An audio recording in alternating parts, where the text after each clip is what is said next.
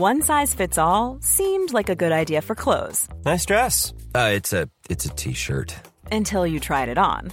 Same goes for your healthcare. That's why United Healthcare offers a variety of flexible, budget friendly coverage for medical, vision, dental, and more. So, whether you're between jobs, coming off a parent's plan, or even missed open enrollment, you can find the plan that fits you best. Find out more about United Healthcare coverage at uh1.com. That's uh1.com. Many of us have those stubborn pounds that seem impossible to lose, no matter how good we eat or how hard we work out. My solution is PlushCare. PlushCare is a leading telehealth provider with doctors who are there for you day and night to partner with you in your weight loss journey. They can prescribe FDA-approved weight loss medications like Wagovi and Zepbound for those who qualify. Plus, they accept most insurance plans. To get started, visit plushcare.com slash weight loss. That's plushcare.com slash weight loss. Life is full of awesome what ifs, and some not so much, like unexpected medical costs. That's why United Healthcare provides Health Protector Guard fixed indemnity insurance plans to supplement your primary plan and help manage out of pocket costs. Learn more at uh1.com. There's never been a faster or easier way to start your weight loss journey than with PlushCare. PlushCare accepts most insurance plans and gives you online access to board-certified physicians who can prescribe FDA-approved weight loss medications like Wigovi and Zepbound for those who qualify. Take charge of your health and speak with a board-certified physician about a weight loss plan that's right for you. Get started today at plushcare.com slash weight loss. That's plushcare.com slash weight loss. plushcare.com slash weight loss. I don't need a lot of brains in this business. I mean, I've always said if you got an IQ of 160, give away 30 points to somebody else because you don't need it in investments. What you do need is emotional stability. Wow. Very first tech IPO, and it's a big one. Stock market hit an all time record high today. A crash is coming. Now, whether it's six months from now, 12 months, 36 months, no one knows. There's a bear market about every five years. We've gone eight years without one. People have to realize this is the biggest IPO ever. Hej och välkommen till ett nytt avsnitt av Market Makers och vilket avsnitt vi har Fabian! Yes! Idag har vi med oss den kända, den grymma Magnus Andersson från Twitter. Jajamän, känd från Twitter, känd för sin blogg Fundamentalanalys och känd även för sin fredagskrönika får man säga. Han, han Nicky Lo Mannheim, eller Den gröna ödlan, som man känner igen den här lilla av avatarbilden. Ja, precis. Det är nog många som har sett hans eh, profilbild, den här lilla gröna ödlan som springer omkring. Och eh, det blir i alla fall en jättebra intervju. Vi går i djupdyker på flera av hans innehav, som han är, han är ganska profilerad för sina innehav. Eh, vi pratar mycket om dem, pratar mycket om investeringsprocessen, lite om hans bakgrund. Framförallt och, blir det jäkligt långt. Jäkligt ja, trevligt. vi vart ju ombedda på Twitter att göra en riktigt lång intervju och Magnus han kunde snacka, så vi gjorde en lång intervju. Vi höll på att missa hela vår lunch och allting efteråt. Det var grymt, men det var grymt kul och det blev en svinbra intervju. Så Verkligen. häng med. Och innan vi kör igång vill vi rikta ett stort tack till Finwire och Finwire TV som var snälla nog att låna ut en studio. Stort tack till dem. Nu går vi till Magnus. Då säger vi välkommen till podden, Magnus Andersson. Tack så mycket, jättekul att vara här. Och vi står ju här i en ny studio också så det är antagligen superbra ljud men vi ser inte riktigt varandra för att mikrofonerna är i vägen. Nej, det är mycket mikrofoner, mycket sladdar. Eh, för de som inte känner till dig, vem är du?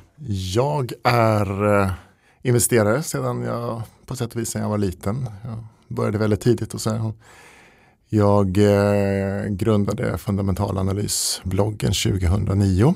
Så jag var ganska tidig som aktiebloggare. Jag skriver eh, numera dels där och sen skriver jag på eh, tradingportalen där jag har en fredagskrönika som publiceras klockan nio varje fredag morgon. Där jag skriver ur ett värdeinvesteringsperspektiv om värdeinvestering och om olika case och ja, sådana saker.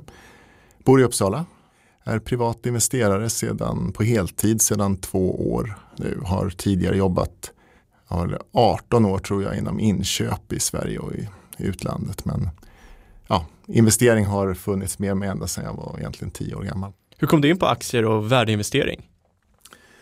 Ja, aktier var jag, blev intresserad av redan på 80-talet när alla pratade aktier. Det var den stora ruschen och så. Och, eh, eh, jag köpte mina första aktier då när jag var 15 år gammal. Och, eh, Electrolux var det. Jag tyckte det var rätt intressant och sådär. Men Sen på 90-talet så var jag student och ägnade mig mycket mer åt eh, sådana saker och hade roligt istället. Och eh, sen började jag jobba i Tyskland då, eh, var det 98 och sen var jag, bodde jag där i tre år och jobbade något väldigt, väldigt mycket. Men lärde mig också oerhört mycket om eh, eh detaljhandel kan man väl säga.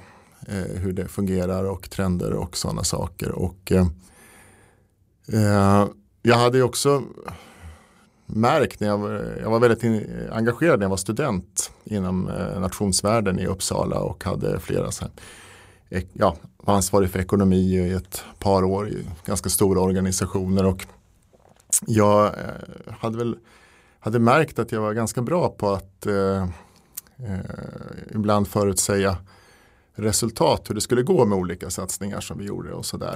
Jag menar inte att jag, att jag alltid kunde säga hur det skulle gå, men jag hade i alla fall mer rätt än vad jag hade fel. Och sen när jag kom tillbaka ifrån Tyskland och startade på nytt i Sverige så hade jag lite pengar och sådär och tänkte att jag skulle ta tag i det här aktieintresset som jag hade haft liksom sedan jag ja, var tonåring egentligen. Och eh, jag tänkte ju då också att den här liksom förmågan att eh, kunna ja, förhoppningsvis då förutsäga hyfsat väl hur det kommer att gå med saker och ting. Borde funka ganska bra som eh, investerare. Och eh, ja, i början så ja, gjorde jag ju alla fel som alla gör och sådär. Och det gick ju ja, inte så jättebra. Men sen när jag då började läsa väldigt mycket och fann Peter Lynch och Buffett och alla de där som vi de flesta av oss som eh, börjar investera långsiktigt går liksom igenom de här olika faserna då med olika eh, duktiga förebilder och sådär och med tiden så gick det bättre och eh, ja, jag fann väl en, eh, jag fann väl ett hem eller vad man ska säga inom värdeinvesteringen och så och eh, sen har jag försökt att utveckla de eh, ja, metoder och ja, tankar som jag har då hur man ska hitta bra bolag och framtida vinnare och sådär. Eh, så eh, 2009 då så hade det börjat det här lite med ja, bloggar. Det låter som att det är jättelänge sedan men det, tekniskt sett så är det ganska man ser till tekniken är det ganska länge sedan då 2009 för att ehm, då hade det precis börjat dyka upp bloggar av olika slag och det fanns ett par enstaka aktiebloggar och då tänkte jag att det här är ju ett jättebra sätt att eh, eh få diskutera aktier och så. Det, ja, det fanns egentligen bara börssnack och något mer så här, chattforum att diskutera annars. Och kom jag i kontakt med en massa andra investerare och hade många diskussioner. I början var jag väldigt mycket inne i banker då, för det här var ju då i kölvattnet av eh, finanskrisen och eh, jag eh, fann Swedbank där. Det var ganska kontroversiellt på den tiden. Alla tyckte illa om bankerna och sådär. Och eh, ja, fortsatte sen och kom in väldigt mycket på amerikanska bolag. Tyckte jag var intressant. Och, eh höll, men höll på egentligen med banker och eh, Apple var väl det första då. Som eh, säkert många som har läst det jag har skrivit kopplar ihop mig med Apple då från slutet av 2010, början av 2011 och framåt egentligen. Sen var det Starbucks när de eh, gick dåligt ett tag som jag gick in i och eh, ja, sen har det varit mycket så här, amerikanska bolag, svenska bolag och sådär. Ja. Hur tänkte du kring, kring Apple då? För jag tänker 2008 var väl första, kom ju, första iPhonen då och i hela det kölvattnet och det liksom också. Hur eh, gick de tankarna? Ja, man säger så här, jag, jag, tycker att Peter Lynch skrev någon gång att eh, någonting i stil med Investing isn't a science, it's an art form.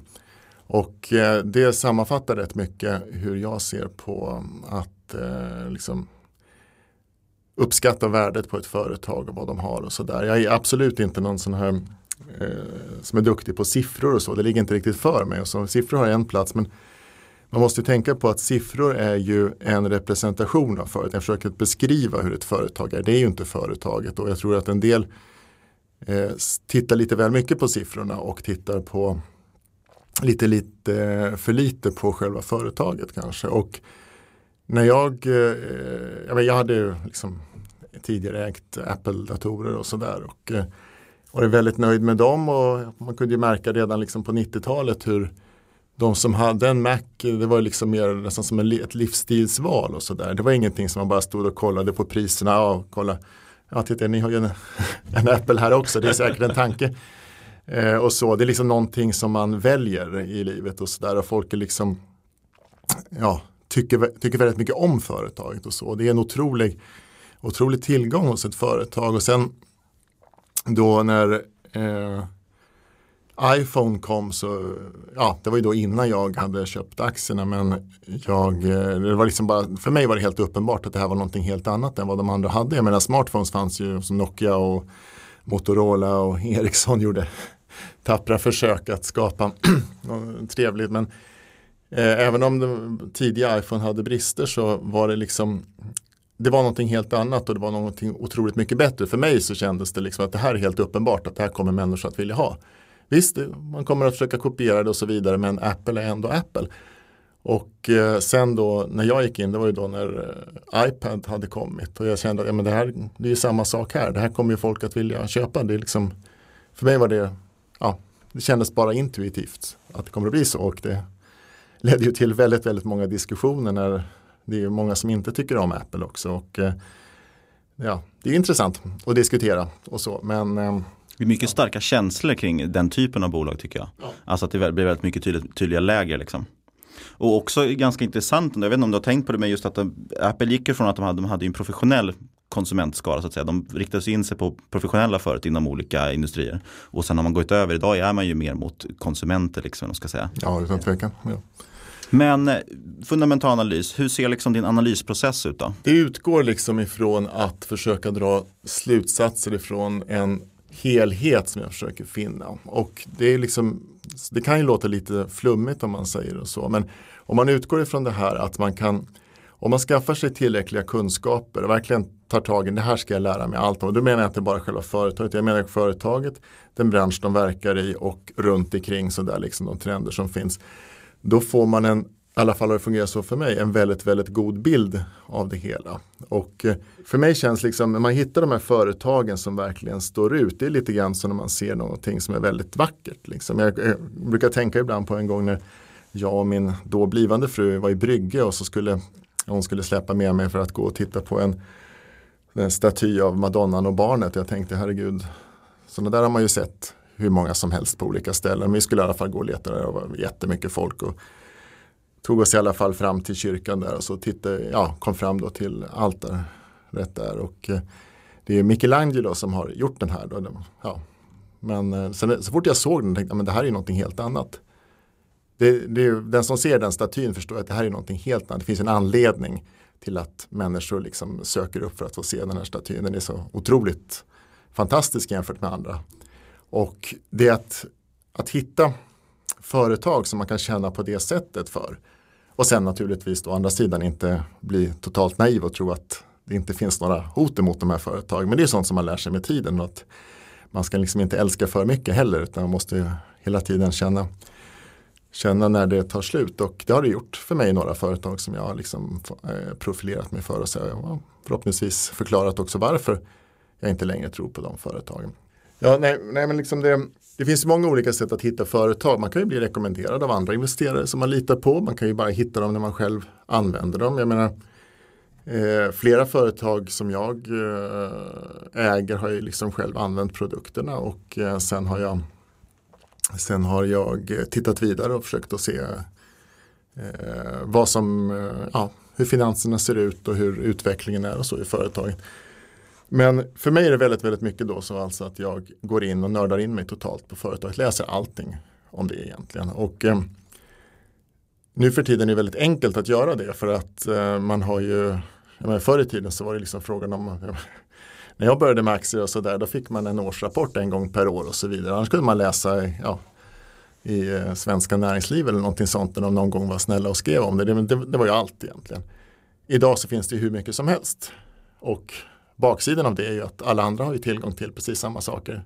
Det är verkligen totalt eh, eh, totalt informationsflöde från ett företag egentligen. Men man kan ju, om man liksom tar det på allvar och går in på djupet så lär man sig betydligt mer än vad marknaden vet. Och då får man ju en edge. Och jag menar, utan en edge så har man egentligen ingen chans. Men det finns flera saker som är viktiga för en investerare. Men kanske allra viktigast är att ha den här kunskapen. Sen därtill så ska man ju då ha, som Buffett ofta pratar om här, emotional stability och sådär, att man måste kunna eh, klara av när det händer olika saker och eh, när det inte går bra och när det går bra att göra rimliga skattningar och sådär. Men har man inte kunskapen till att börja med så spelar det ingen, liksom ingen roll för att då kan man ändå, det spelar ingen roll om man är, om man är lugn sen för man kommer troligen inte att fatta korrekta beslut. Och det här är en väldigt lång process för att jag har väldigt, väldigt sällan bara köpt ett bolag sådär första veckan som jag liksom har börjat titta på det och sådär. Utan jag har gått och tittat och när det var till exempel um, Apple då så ja, det var ju flera månader som jag verkligen läste och eh, jag tog del av allt som finns. Jag menar, det finns ju på nätet, det finns poddar och det, menar, amerikanska bolag har ju den fördelen att det finns hur mycket som helst för den som är intresserad att läsa om det och sådär. Och eh, man hittar olika personer som man kan följa som man tycker har kloka tankar runt det hela. Och sen ja, så um, fattar man ett beslut om hur man ska göra, om man ska gå in eller hur mycket man ska gå in och så vidare. Och, eh, för mig har det alltid känts väldigt tryggt när jag har den, det är kanske självklart och så, men när jag har den här kunskapen och kan liksom luta mig mot den, då känns det ganska tryggt att köpa. Och jag jag är ju väldigt fokuserad i min investeringsstil, det vill säga jag eh, äger sällan mer än en fem sex olika bolag och eh, de i sig är ganska, kan det vara ganska stor skillnad, allt mellan 5 och kanske 35-40 procent eh, av portföljen. Men jag har inte känt liksom den, den här oron som man annars kan känna. Jag, tycker, jag känner väldigt stor oro när jag inte har kunskap om någonting. Om det händer något och liksom jag, jag känner att ah, men det, här, det, här, det här har inte jag någon klok tanke om liksom vad som kommer att hända sen. Och så. Det tycker jag är väldigt läskigt. Men liksom, har man den här goda kunskapen och så vidare och hela tiden uppdaterar sig på vad som händer. Då, för mig har det inte varit något problem att ha en stor, det är klart, det är inget roligt sen när, när något stort innehav då faller med 40% på ja, dålig rapport och analytikersänkningar och så. Men känner man sig då trygg i eh, grundcaset då och eh, känner att ja, det här som har hänt då och så vidare, det är ingenting som kommer att ha en långsiktig påverkan och så vidare då kan det ju kännas väldigt bra att ändå utnyttja det här fallet då till att öka i bolaget om man känner att, eh, att det ja, att caset är i princip orört men, eh, eller orubbat ska jag säga. Men eh, å andra sidan så får man heller inte vara rädd att ompröva sig. För gör man inte det, och det är väl det som jag har lärt mig den hårda vägen, att eh, när man tycker väldigt mycket om ett bolag och sen börjar man se att det, det går sämre, då måste man ändå förr eller senare dra slutsatser av detta och det är, det är svårt alltså för framförallt om man liksom, är, liksom har satsat mycket tid och energi på ett bolag och sen, men det blev inte riktigt som jag tänkte. Jag, eh, ja, som väldigt många andra som håller på med värdeinvestering och blir intresserad av Buffetts tankar och sådär så letade man ju i början väldigt, väldigt mycket efter de här eh, ska man säga, typiska Buffettska casen då med stora ganska gamla stabila bolag som höjer utdelningen och eh, ja, kanske inte är så jättespännande men de tuffar på och så vidare. Men eh, Problemet, och det har ju Buffett också talat om och Charlie Munger också, att marknaden har ju blivit mer och mer effektiv i och med att vi har så mycket information och eh, sen finns det datorer och eh, så vidare som kan räkna fram liksom precis när när eh, det blir köpläge och så vidare. Så jag menar när Buffett var igång då, kommer jag ihåg, jag läste för länge sedan, han hittade ett bolag som hade P 0,6 och kan, hur tusan kan det här gå till liksom? Så han åkte dit då för att se om det var liksom totalt konkursbo det här. Då. Men så eh, pratade han med chefen där och han sa det, ja jag vet inte riktigt vad det här beror på. Det verkar som ingen har riktigt upptäckt oss och hittat oss liksom sådär. Så Ja, jag vet inte, vi köper ju aktien och sådär men eh, det är ingen annan som gör det och ja, på den tiden var det möjligt. Idag finns det absolut ingenting sånt, inte ens i närheten och då måste man eh, eh jobba på att hitta andra sätt, andra eh, metoder då för att hitta intressanta bolag och det har ju fört mig väldigt, väldigt mycket mot eh, tillväxt istället och många har ju liksom sett som en skillnad mellan värdeinvestering och tillväxtinvestering. Men för mig är det fullständigt ologiskt att tänka på det sättet. För att eh, Tillväxten är ett väldigt stort värde i ett bolag. Och Eh, Eh, det är egentligen samma sak oavsett om man har ett företag som tuffar på med 8% tillväxt per år eller ett som tuffar på med oerhört mycket större tillväxt. Man måste göra en bedömning. Är företaget idag eh, värderat på börsen lägre än ja, de, tro, de uppskattade framtida kassaflöden som man kan se där. Och, eh, om man skulle liksom säga så här, nej, men antingen är man värdeinvesterare, så man tillväxtinvesterare, då liksom så att om man är värdeinvesterare då får man inte röra de här bolagen som växer med 40% per år för att då går man ifrån det här. Och eh, där ska man ju också tänka att Buffett då som många liksom håller fram och så där jag, jag skrev på tradingportalen här för några veckor sedan ett inlägg som jag kallade för Buffett-sjukan eh, om det är någon som vill läsa vidare om, om mina tankar där. Men att det känns som att väldigt väldigt många investerare och inte minst kanske de som är lite yngre läser Buffett och vad han höll på med en gång i tiden som eh, nästan som en bibel att så här är det. Att det ska vara utdelningstillväxt och det ska tuffa på, det ska vara säkert. Men problemet är att om man bara tittar på de grejerna då, då, köper man helt plötsligt en massa H&M då. Som jag gjorde och många andra gjorde och så. Och när man då börjar se att världen förändras. För att världen förändras väldigt, väldigt mycket. Vissa saker är ju är konstanta. Jag menar, företag måste förr eller senare ha positiva kassaflöden, annars går de i konkurs och så vidare. Alla de där sakerna är, är liksom eviga sanningar. Men världen har förändrats något enormt. Och det har väldigt stora betydelser för vad som händer. För att du kan idag bygga ett företag ifrån ingenting till någonting jättestort globalt på bara några år. Det var helt omöjligt för. Titta på Coca-Cola och Walmart och alla de där.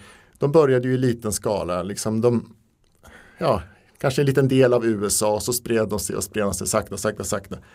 Så tittar man vad som hände då för drygt tio år sedan när Facebook startades i ett eh, ja, studentrum egentligen.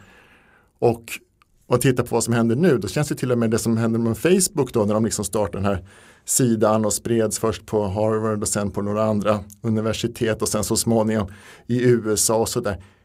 Det var ju otroligt snabbt på den tiden. Men idag så är ju det liksom dinosaurietid jämfört med vad man kan göra nu. Du kan ju liksom sitta i ett studentrum i Uppsala och skapa ett bolag bara på att du har en superbra idé för en fantastisk app och sen är du jätteduktig på att, på att eh, skapa den här appen och sprida den och eh, ja, lägga upp den på App Store då om man ja, har, har Apple och sen eh, har du dagen efter tusen nedladdningar, i slutet av veckan 10 000 och slutet av månaden en halv miljon nedladdningar. Det här är liksom det är någonting fundamentalt annorlunda mot hur man kunde göra förut. Och då måste man tänka om lite grann. Man kan inte bara titta på om de här bolagen tuffar på och allting kommer att gå som det har gjort. Och, eh, ja, men jag, jag har all respekt för H&M och, och så. Det är inte ett dåligt företag och så men man måste liksom inse att världen förändras och de företag då som inte ligger i framkant och är med och skapar den här utvecklingen, de kommer att halka efter.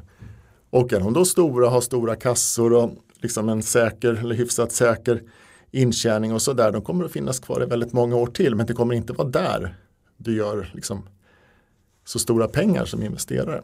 Och det har gjort att jag har sakta men säkert gått allt mer emot ja, vad du ska kalla tillväxtföretag. Det är egentligen ett väldigt dumt begrepp, för jag menar alla företag vill ha tillväxt, men ja, de företag egentligen som kan eh, antingen stå pall i en föränderlig värld eller eh, är med och skapar någonting helt nytt.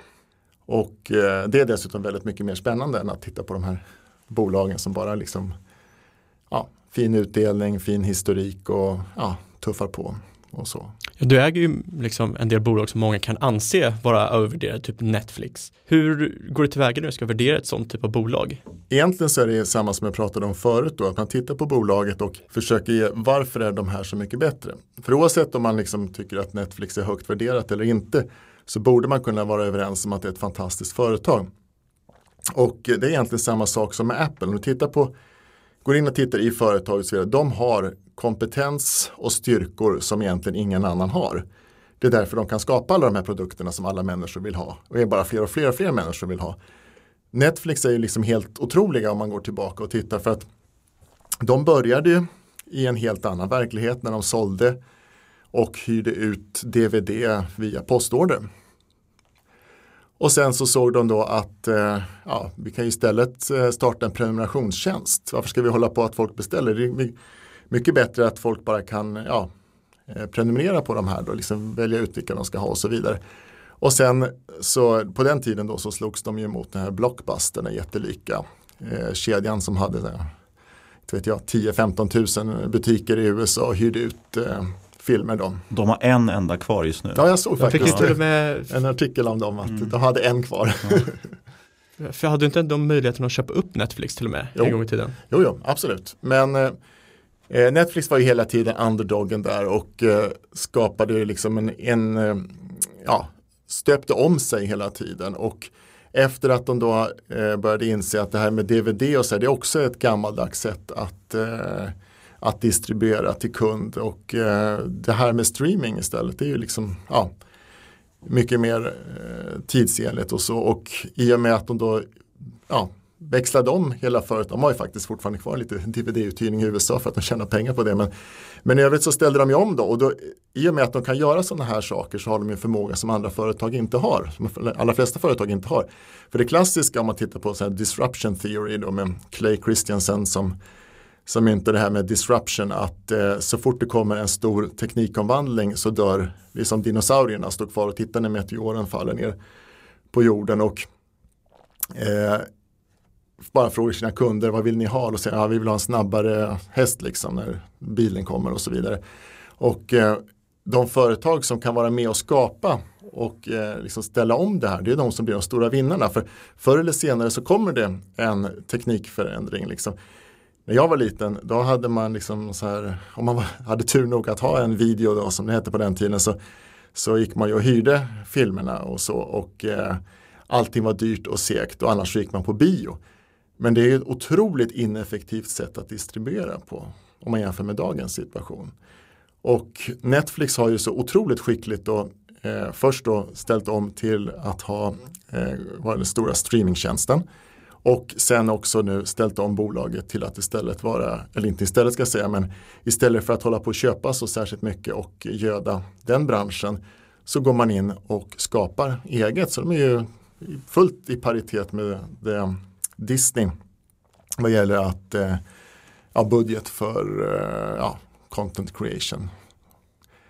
Och eh, Netflix idag är ju naturligtvis högt värderat men det är också då så att man måste tänka lite grann när det gäller Netflix att vad de har byggt upp när de har haft väldigt låga vinster och sådär det påminner ju lite grann om vad Amazon har byggt upp. Nämligen ett eh, ja, stort världsherravälde inom det de eh, håller på med. För att i Sverige kan det vara lite förvirrande för många när de tittar på Netflix. Så, ja men HBO då och så vidare. Men HBO är en helt annan fågel än Netflix. HBO är ju en kabelkanal till allra, allra största delen. De var ju väldigt lite, I Sverige har vi då HBO Nordic som är ett streamingbolag och de har en viss streamingdel i USA. Men i övrigt så är de en helt annan typ av företag. Så det är inte liksom, det finns inget ett i ett förhållande där. Sen Amazon också eh, sysslar ju med som ett av sina väldigt många ben med streaming.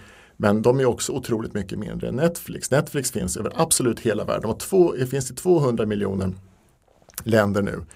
Och de kan sprida det de skapar till, ja, kanske nu om man räknar då beroende på familjemedlemmar och så, en 300-400 miljoner människor på nolltid.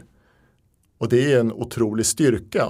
Och då måste man tänka på att det, de, det man köper som konsument då, eh, hos Netflix det är ju en, en prenumerationstjänst för ja, drygt en hundralapp. Och eh, den summan är ju inga problem för dem med tanke på att folk håller på att säga upp sina kabelabonnemang och så vidare och skaffar olika streamingtjänster. Inga som helst problem för dem att höja priset på den. Så när man tittar på Netflix då måste man tänka hur mycket kommer de att kunna höja, höja priset framöver. Och det har ju varit en, någonting som väldigt många har invänt, ja men hur länge går det? Men det har gått alldeles utmärkt för ungefär var femtonde månad har de höjt priset. De har höjt det ganska mycket, senaste gången var det i snitt 14 procent. Och de fortsatte att växa egentligen. Senaste rapporten så växte de lite mindre men den här höjningen kom ju redan förra hösten och sen dess har de bara fortsatt att tuffa på. Och eh, hela caset där bygger på att man kan lita på att de som har varit liksom 20 år i branschen eh, kan fortsätta och arbeta på det här sättet och bara liksom ja, få allt fler abonnenter. Och eh, sen man tänker då värderingsmässigt, ja det är ansträngt och så, men man kom, kan ju aldrig att komma ifrån att marknaden värderar alltid prenumerationsintäkter mycket, mycket högre än eh, den värderar eh, bolag som säljer prylar. Så länge Apple enbart sågs som ett företag som sålde eh, datorer och iPhone så var ju värderingen väldigt låg för marknaden. Tänkte att de här, den typen av företag kommer alltid att eh, få ny konkurrens och det kommer att gå dåligt. Men uppvärderingen av Apple har ju hänt väldigt mycket sedan man började få allt mer services. Där det är väldigt repetitiva intäkter och så. Och Netflix kommer ju alltid att vara ett sådant företag där man har en, eh, en prenumerationsmodell och där erfarenhetsmässigt människor stannar kvar. Även om de ibland är lite missnöjda, ah, nu är det ingenting nytt som jag tycker om och så vidare så har man en tendens att stanna kvar framförallt när det inte är så fruktansvärt dyrt. Men finns det inte någon typ av pristak då de kan höja innan folk säger ah, men enough is enough och så lämnar man? Ja, det, någonstans finns det ju det i alla fall. Men det är skillnad på om det skulle kosta, jag menar i USA då som där det är dyrare med kabel och så mycket större. Där lägger ju människor väldigt ofta mellan 100 och 150 dollar eller någonting sånt. Och det är det som Disney som var ett tidigare bolag som jag tyckte väldigt mycket om för några år sedan. Det var ju det de fick, har fått känna väldigt mycket nu. Att folk säger upp, de tycker att det är orimligt att betala så mycket när de då kan få eh, Netflix så mycket billigare. Och andra, det finns ju andra saker också. Man kan ju köpa film och hyra film och allting sånt på nätet. Och, och då finns det en hel del utrymme rimligen. Och även om man kanske då i Sverige då snarare lägger 500 på kabelabonnemang så är det ju en rejäl nedgång om man hoppar ner och istället då eh, köper Netflix. Även om man då också, som vi har, vi har både HBO och Netflix men det är bara drygt 200 kronor i månaden. Det är ju, det är ju ändå ingenting liksom. Det är, det är väldigt, väldigt lågt. Och, eh, de, drar ju också, de har ju väldigt stor nytta av teknikutvecklingen där. Att bredband sprider sig ju som en löp, eller med det som hände här för 10-15 år sedan. Det hände ju andra länder, även ganska fattiga länder nu. Så sprids bredbandet oerhört snabbt. Och därmed kan man då till att börja med vara kund hos Netflix och andra streamingtjänster helt plötsligt. Man inte alls har kunnat det tidigare. Och sen ju bättre det går desto bättre eh, tjänst vill man ju ha och då hoppar man ju upp i pris. Eh, det blir en naturlig eh, stegring för Netflix har ju tre eller fyra olika nivåer där man, eh, hur många skärmar och hur bra det finns. Eh, ja, väldigt basal upplösning och sen finns det HD och sen finns det då 4K nu och ja, i och med att människor får den här tillgången och skaffar de här jättehäftiga tv-apparaterna. Det är liksom lite grann av ett självspelande piano som snurrar på här. Liksom att så länge eh, teknikutvecklingen fortsätter, det kommer de göra med all säkerhet väldigt länge. Liksom. Någonstans slår det väl i taket när man tycker äh, att nu räcker det liksom med, med eh, behöver inte ha en större tv och så vidare. Men än så länge och säkert väldigt länge till kommer att fortsätta. Och det är väldigt, eh, när man är aktieägare så är det väldigt trevligt att se att de länder som Netflix går in i, går det ju, det tar några år men sen blir det väldigt, väldigt bra. Jag menar, jag tror de har varit sex år i Norden. Det var en av de första utländska marknaderna som man gick in i. Det var först Storbritannien och något år senare Norden.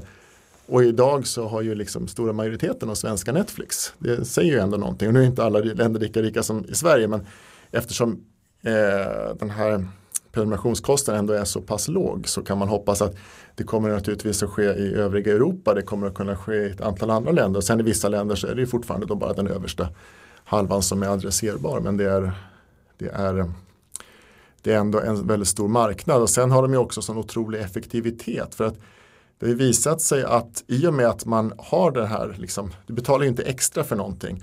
Och då tittar du på väldigt, väldigt mycket även sånt som är väldigt billigt att producera.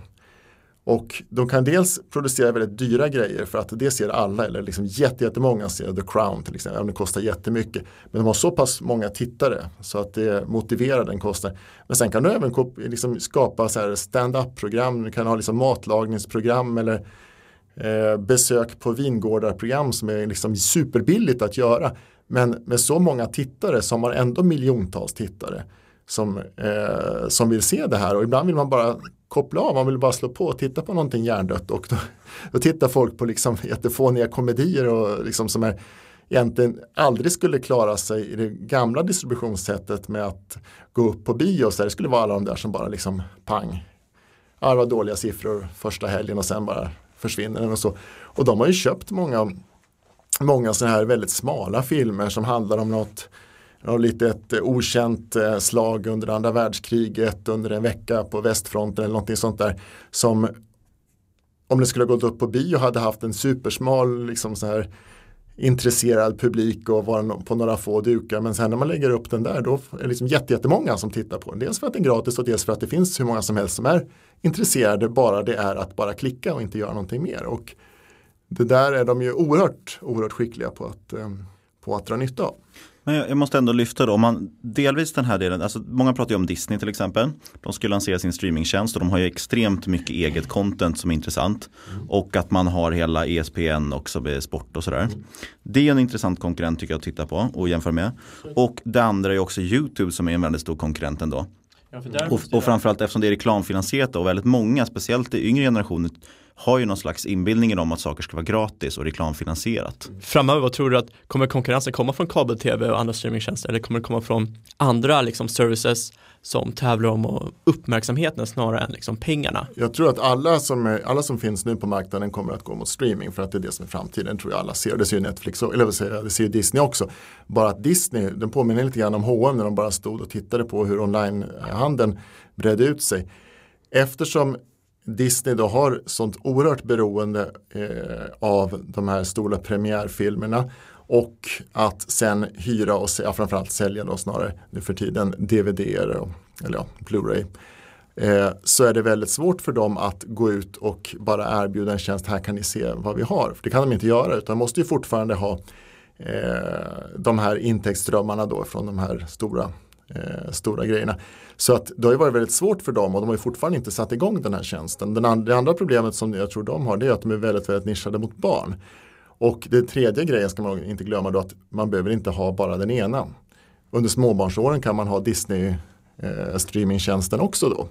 Så jag ser inte det som att, ja, för, för mig, vi är ju barnfamilj och sådär, det är liksom helt otänkbart att vi skulle liksom säga, äh, nu kastar vi ut Netflix här för nu kommer Disney-tjänsten här när de har liksom, ja, tar det istället. Eh, så jag ser det inte riktigt på det sättet heller och eh, YouTube eh, har ju liksom en fantastisk marknad, de är super, superbra på det de gör eller de låter andra göra det åt sig då som det alltid är med Google, Google-företag. Men eh, det är också en ganska stor skillnad där på liksom vad innehållet är och hur proffsigt det är och hur, ja, eh, hur många det är som när de blir lite större och sådär och äldre och har en fin tv och så där bara skulle sitta och titta på YouTube på sin liksom, iPad eller liknande och så där. Jag tror att som jag till exempel använder YouTube, det är fantastiskt för att kunna få se vissa så här specialgrejer som man är intresserad av och det uppdateras hela tiden och, och så. Men det minskar ju absolut inte mitt intresse för att liksom sitta, sätta sig framför tvn och eh, kolla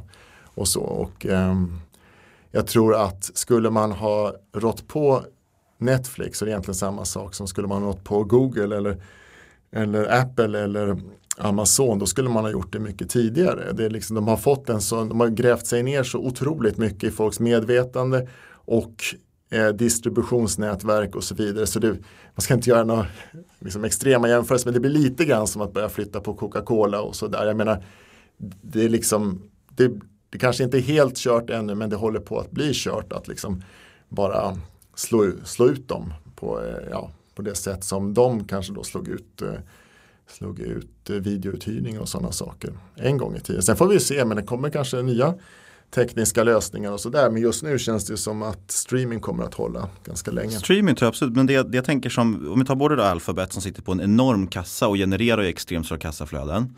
Och Disney har ju, de har ju en extremt stor del av deras kassaflöde kommer ju från deras nöjesparker fortfarande. Tekniskt sett skulle de bara kunna blöda ut Netflix. Om Disney lanserar en egen streamingtjänst och så ger de bort den för en dollar i månaden liksom. Eh, bara för att eftersom Netflix är så pass skuldfinansierat tänker jag. Ja, men du ska, ju- du ska ju fortfarande vara beredd då att satsa de här liksom 10 miljarder dollar på att skapa innehåll till en bred publik med väldigt osäkra framtida kassaflöden. Det är nog inte något företag tror jag som kan gå liksom bara pang på, rakt på, man ska vara realistisk och så. För att nej, visst, Eh, det, det finns nöjesparker och allt det där som är jätteviktigt för Disney men det är fortfarande oerhört viktigt för dem att de får sina intäkter ifrån eh, försäljning av eh, filmer och eh, eh och eh, det här liksom att det kommer pang, ny film på bio och den går i ett antal veckor och drar in jättemycket pengar. Att de helt, helt och hållet bara skulle slå över till det och börja producera dessutom en väldig massa vuxet innehåll. Det, det känns inte så liksom, realistiskt att man kan göra det. Man kan det jag, tror, men som jag säger, jag tror att man, skulle man ha gjort de där sakerna då skulle man ha legat på från Disneys sida och ja, lite grann som Apple har gjort. Liksom, så här, äh, nu omprövar vi hela vår affärsmodell. Nu gör vi någonting nytt här. PC är inte framtiden, vi måste skapa liksom någonting nytt som de gjorde då. Och, ja, men körde så här better company-grejer då. Som iPhone var ju det, de hade ju inte liksom, egentligen pengar att göra det. Men de sa, men det här är framtiden, vi satsar bara på det. Hade de vågat göra det för ett tag sedan, då är det mycket möjligt att de hade kunnat komma in. Men istället så ligger de ju där. Ja, för att återgå till H&M egentligen samma sak. Man har liksom en organisation som sitter och bevakar sina revir och tror väldigt mycket på det här har alltid funkat. Jag menar, om man, det finns, jag hittade en sån här jätterolig, eh, eller väldigt talande klipp om H&M för något år sedan. Där det var från våren 2000 när de hade chockat marknaden eh, med en riktigt dålig rapport. Och, och Stefan Persson stod där och sa att, eh, för de hade ju hakat på det här då under IT-yran med att starta liksom online-satsningar och sånt. Att nu ska vi sluta med de här online-satsningarna och eh, koncentrera oss på kärnverksamheten. Liksom. Och det var ju där någonstans som de gjorde sitt fatala misstag liksom, när de istället skulle ha stått ut med att online kommer vi inte att tjäna ett skit på de närmaste åren utan det kommer mer vara en kuriosa men vi tror på det här för framtiden och istället för att bara tänka ja, det är bara att öppna nya butiker. Så länge vi öppnar nya butiker får vi tillväxt och tillväxt gör att vi tjänar mera pengar. Liksom. Och tills de då egentligen ja, körde in i väggen rejält för ett par år sedan. En sista fråga på det här temat. Vi tycker att det här är väldigt intressant. Det är också just för att det är ju en stor diskussion kring liksom, högt värderade bolag och tillväxtbolag. Och sådär. Jag tänker som, du, du la ut häromdagen Fabian med Amazon. Goldman Sachs när de räknar ut sin riktkurs på Amazon så sätter de 7,7% eh, tillväxt då egentligen när det ska vara ett moget bolag. Eh, så man sätter det liksom som att det vore ett... Eh... Ja, du menar att det ska växa eh, nästan 80% i oändligheten? Ja, men precis. DCF, ja. Exakt. Eh, och det är ganska orimligt liksom att de skulle växa dubbelt så mycket som BNP i all oändlighet. Mm, ja, det blir svårt. Ja. Och justerar man bara ner det, du, sa, vad justerade, du justerade ner till 7% istället bara. Ja, då, gick, då det ner, till, gick det ner till 1700. Ja, precis. Drar man ner till BNP så går det ner till 800 liksom. Ja, eh, och det, så jag menar att det är väldigt mycket inprisat. Hur, hur tänker du på, kring de delarna? jag är absolut ingen expert på Amazon, jag har aldrig ägt dem eller någonting sånt. Men jag ser det mer som att de, det är, utan tvekan finns ju ett oerhört stort värde att vara det här stora företaget som alla köper ifrån. Och det är det de har blivit i USA. I, i Sverige, har, i Sverige har de inte kommit, men de är på väg nu förmodligen. Liksom. Men, eh, I USA har de varit allra längst, och över 20 år. Och det har ju uppenbarligen blivit det stället. Istället för att googla när man ska köpa något så går man in på Amazon. Lyckas man med det i en stor del av världen då liksom det är uppenbart att ett sånt företag har ju liksom en ja, otrolig staying power. Jag menar, det flyttar du inte på liksom genom att du gör en jättesatsning från Walmart eller något sånt. Det går inte. Och då är det ju väldigt, väldigt mycket värt kan man säga. Man får, jag tror man får tänka lite grann på på hur bra det brukar gå för företag som får den här marknadsdominansen. Oavsett vad det är, men ta, jag bara, återgå till Coca-Cola och så där har man väl fått den dominansen. Det kan vara väldigt eh, knepigt om man ska börja räkna, ja, men få se vad är liksom trolig uthållig eh, tillväxt och så vidare. Hur mycket kan de tjäna på att eh, öka sina marginaler och sådana saker. Det, där, det är väldigt svårt att räkna på det och väldigt många stoppar i det läget och det tror jag är lite farligt om man bara liksom tittar på Netflix. Men för när jag började följa, det är snart jag vet, två år sedan då, så där man pratar om bara 300-400 PE då. För, men nu är PE kanske på det här året, nuvarande kurs nere på 70 eller någonting sånt. Och det är väl ingen som tror att de inte kommer att kunna fortsätta öka sin vinst. Man får liksom tänka på det där lite grann. Ja, men ju mer dominant man blir, eh, desto mer pengar kommer man att tjäna allt annat lika. Och för det tror jag det, det gäller med Amazon också. att de har ju tjänat väldigt lite pengar nu medvetet för att de har inte velat betala någon skatt och de har istället plöjt ner allting i att bygga jättelika lager, distributionsnätverket. Och om man tittar på Facebook, de hade ju liksom, de hade världens bästa grej för de hade ju självrekrytering. Alltså, det är ingen som har sett några annonser liksom i tunnelbanan. Eh, gå med i Facebook, det är skitkul liksom. Det, så funkar det inte. Men, så de började tjäna pengar ganska snabbt. Men om man hugger sig fast för mycket vid det här med att företag ska tjäna pengar när de, när de växer, då ska man tänka att om Facebook hade varit tvungna att annonsera väldigt mycket men när de väl fick en medlem så fick de en trogen medlem. Lite grann som, som, eh, som Netflix har idag. Då, att de lägger väldigt mycket på det. Lite grann som också spelbolagen lägger väldigt mycket på marknadsföring. Men det hade väl rimligen varit smart av dem att liksom offra alla vinsterna de här första åren bara och skaffa sig fler och fler medlemmar. Och hade det varit så tror jag många hade liksom pekat finger på dem och skrattat, ja men herregud, vad är det där för vinst liksom? Man tjänar bara 80 miljoner dollar här på den där stora omsättningen och när kommer vinsten och så vidare. Så hade aktien gått väldigt dåligt och så. Men hade de gjort det tills de hade tänkt liksom, ja, när vi har en miljard lite grann så som Amazon gjorde nu. De höjde priset på Prime. De hade fått 100 miljoner användare. Men 100 miljoner användare är väldigt, väldigt mycket människor. Och kan man då liksom offra vinsten under en längre period och stå ut med det liksom, så kommer man att tjäna väldigt mycket pengar. Det är därför de här fangbolagen har värderats så högt. Och den ständiga diskussionen finns, ja men herregud, kan det tjäna, hur kan det värderas så mycket? Det är för att marknaden inser att de kommer att tjäna mer pengar längre fram. Sen är det väldigt oklart hur mycket pengar de kommer att tjäna och så vidare. Men, men... För, för, det var det jag tänkte på just, om alla vet att de ska tjäna så mycket pengar, all, alla verkar ju vara överens om att Amazon kommer att ha ett världsherravälde.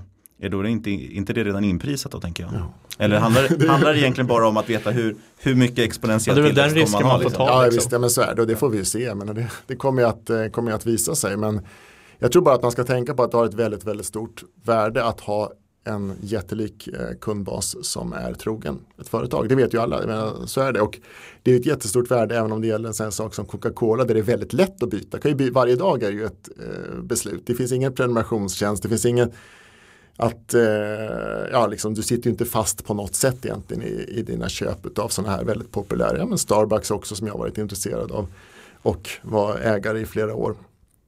Eh, utan de bygger på någonting annat men i och med att de har väldigt trogna kunder då, så ja, det finns ett väldigt högt värde och man ska inte underskatta det heller för att det, det är klart man kan överskatta värdet men det är också väldigt farligt att underskatta det därför att de här bolagen de tenderar ju att tjäna väldigt, väldigt mycket pengar. Om man går tillbaka och tittar liksom de företag som ifrågasattes trots att de visade väldigt god tillväxt för 10-20 år sedan och så vidare. De har ju blivit i flera fall jättestora företag. Sen är det andra som har gått fullständigt åt pipan naturligtvis. Men det, ja. Du gjorde en jättebra övergång här för en stund sedan vi pratade om marknadsföringskostnader. För jag tänkte vi skulle prata lite om spel och dobbel. Mm. Det är väl framförallt Catena Media, Evolution Gaming, Leo Vegas är väl dina tre innehav som du pratar och skriver om mycket va? Ja. Eh, ska vi ta dem ett och ett kanske? Eller först, först och främst, vi kan prata om, för många är intresserade av den branschen. Vi ska erkänna att vi är ganska dåliga på den branschen. Och, eh, eh och framförallt Catena Media har väl, det har varit en press på hela branschen och framförallt Catena Media är ju världens liksom, show nu på Twitter med folk som argumenterar fram och tillbaks. Mm. Hur, hur ser du på marknaden i sig och sen de här tre casen? Jag skulle säga att eh, bettingbranschen är ju en fantastisk bransch egentligen, i sin storhet. Och så Sen kan man ju förlora pengar där hur lätt som helst. Det har många bevisat att de har, har eh, förmåga att göra. Men det är en helt When you're ready to pop the question, the last thing you want to do is second guess the ring. At BlueNile.com you can design a one-of-a-kind ring with the ease and convenience of shopping online. Choose your diamond and setting. When you find the one, you'll get it delivered right to your door. Go to Bluenile.com and use promo code LISTEN to get $50 off your purchase of $500 or more. That's code LISTEN at Bluenile.com for $50 off your purchase. Bluenile.com code LISTEN. Life is full of awesome what ifs and some not so much, like unexpected medical costs. That's why United Healthcare provides Health Protector Guard fixed indemnity insurance plans to supplement your primary plan and help manage out of pocket costs. Learn more at uh1.com. Hiring for your small business? If you're not looking for professionals on LinkedIn, you're looking in the wrong place. That's like looking for your car keys in a fish tank.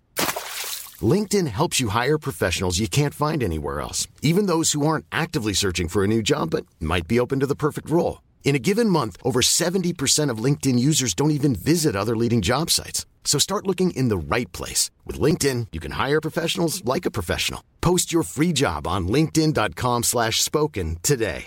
Ready to start talking to your kids about financial literacy?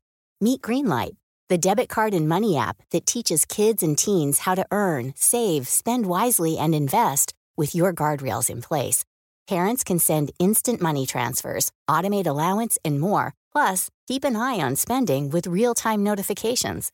Join more than 6 million parents and kids building healthy financial habits together on Greenlight.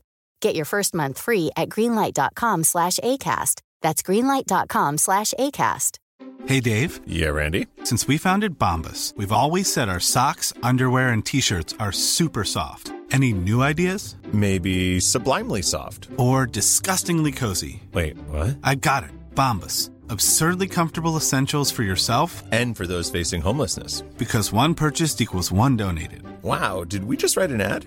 Yes. Bombas. Big comfort for everyone. Go to bombas.com slash ACAST and use code ACAST for 20% off your first purchase. Fantastisk bransch på det sättet att det är ja, men det är sån här eh, sysselsättning som alltid kommer att finnas. Jag menar, det, folk vill spela om pengar och så. Väldigt många ser ner på detta och tycker att det är korkat och så vidare. Men det jag tror att de missar eh, det är väldigt mycket att det här är ett nöje. Det är, det är ungefär som att sitta och titta på Netflix för många människor. Liksom som, de är de allra, allra flesta som spelar och sådär på eh, olika former, de vet ju att man är ju torsk när man spelar, men det är för att det är kul att vinna och sådär. Och sen finns det naturligtvis den tråkiga baksidan då, att det finns spelmissbruk och så. Men själva branschen är ju, det är som någon har sagt för länge, länge sedan, att äga ett kasino är som att ha en licens och trycka pengar. Så länge du får dit kunder så kommer du att ha dina kanske 3% marginal och på, ja, ju mer omsättning du har desto fler mer pengar blir de här 3 procenten då. På, om man tar rouletten då till exempel. Men eh, det är liksom grund, grundintresset för mig. Anledningen att jag håller på med det nu också det är att jag känner att eftersom jag själv spelade mycket, jag inte så jätte, jättemycket, men liksom jag höll på mycket med fotbollsspel och sådär redan när jag var liten. Men det fanns ju inga regler på den tiden. Men kunde, ett barn kunde ju gå och lämna in stryktipset och sådär. Det var ju liksom inget, ingenting sånt. Det tyckte jag var roligt och eh, sen när jag blev mer intresserad då i början av 00-talet tittade väldigt mycket på fotboll och höll på med den grejen och då började det komma också den här väldigt enkla kasinospel då. Det var egentligen ja, men så här, animerat eh, super super enkelt och sådär men eh, i och med att jag, jag kunde den där, liksom, vet hur det allting funkar och sådär. Så sen då när det här började, eh, började intressera mig för några år sedan från, för spelbolagen så hade jag liksom den fördelen från början så jag kunde liksom gå in och på alla, ja, men som jag tidigare i början här beskrev, man går in och tittar på alla bolagen och försöker hitta några favoriter och varför. Och, ja, jag vet inte var vi ska börja men vi kan börja med, vi tar eh, Evolution, eller vi tar Catena Media som folk är så intresserade och framförallt för att folk inte förstår affärsmodellen riktigt. Nej, men det är det som är grejen. Att eh, det de håller på med då, lead generation, det är en hyfsat ny, det är inte jättenytt, men det är en hyfsat ny bransch. Och det är väldigt, väldigt mycket missförstånd och sådär tankar kring detta. Men man kan ju säga att det är ju det som Google tjänar sina enorma summor på. Och sen kan människor tjäna tillsammans med Google då och så vidare. Men man måste förstå att det här är en helt ny men alldeles jättelik bransch som knappast kommer att minska. För att trafik då till olika sidor och olika tjänster och så vidare. Det finns ju ett väldigt stort värde i detta. Framförallt om man kan få människor att stanna. Det Catena gör då det är ju att man eh, genom att ha förvärvat väldigt aggressivt, skuldsatt sig då naturligtvis också, men ändå har köpt eh, väldigt många fina eh, bolag som slussar då kunder, framförallt då till att börja med till eh, eh kasinotjänster då eh, och sen också eh, allt mer inom sport, då, fotboll och allting sånt. Och sen nu då inom finansvertikalen då som är bara 5% av bolaget.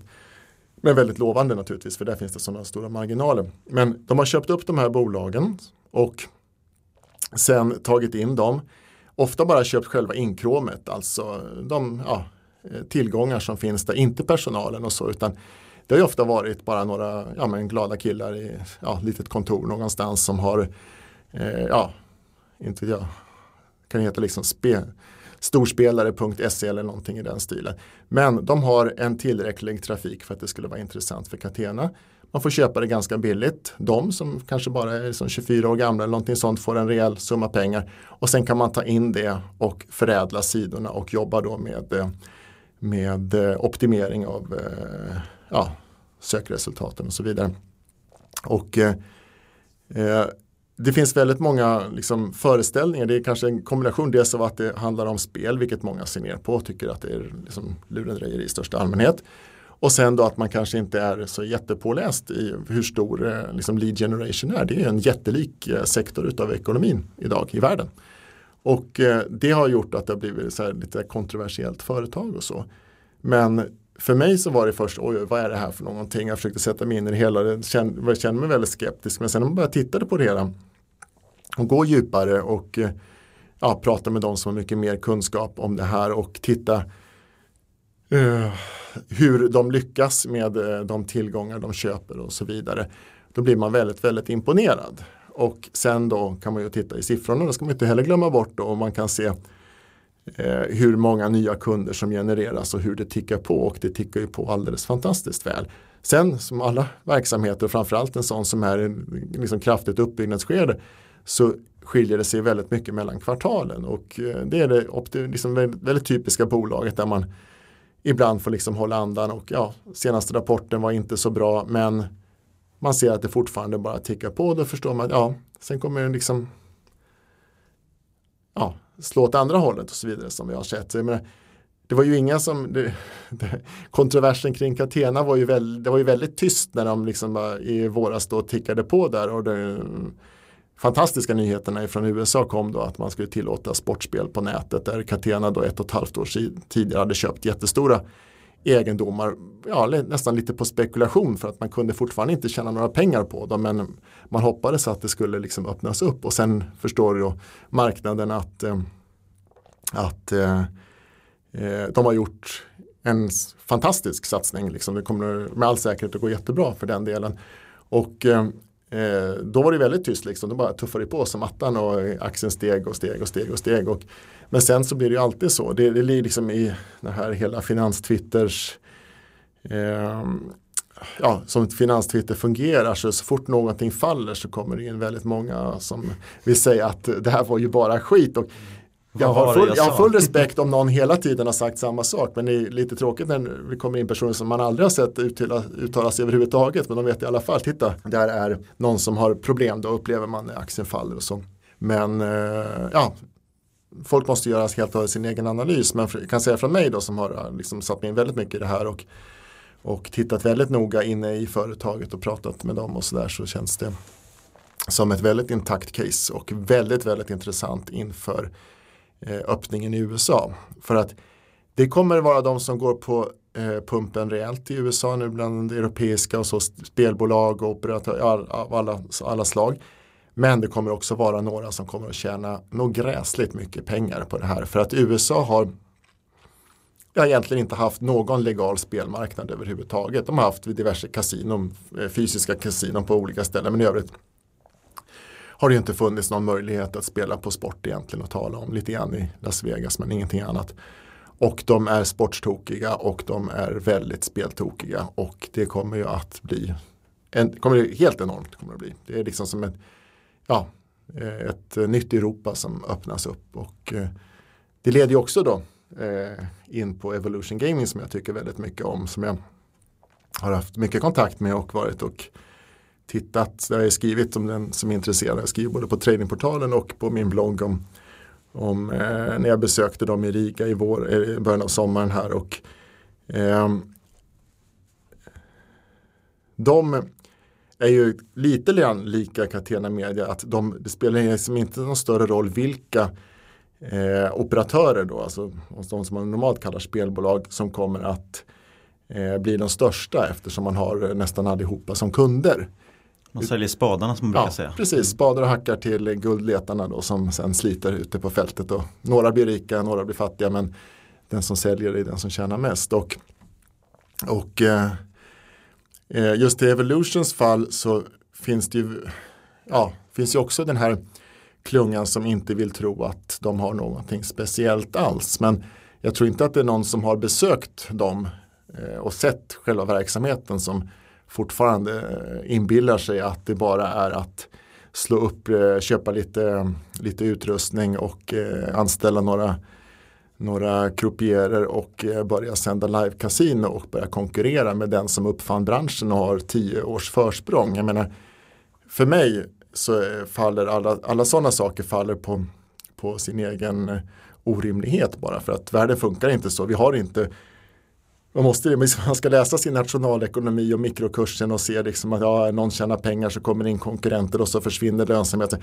Ja, det är viktigt. Så finns det i många, i, i många branscher. Men lika viktigt är det att förstå att väldigt många branscher har man en ledare som har kanske 50% av det hela och eh, den sitter väldigt, väldigt säkert för att den dominerar allting.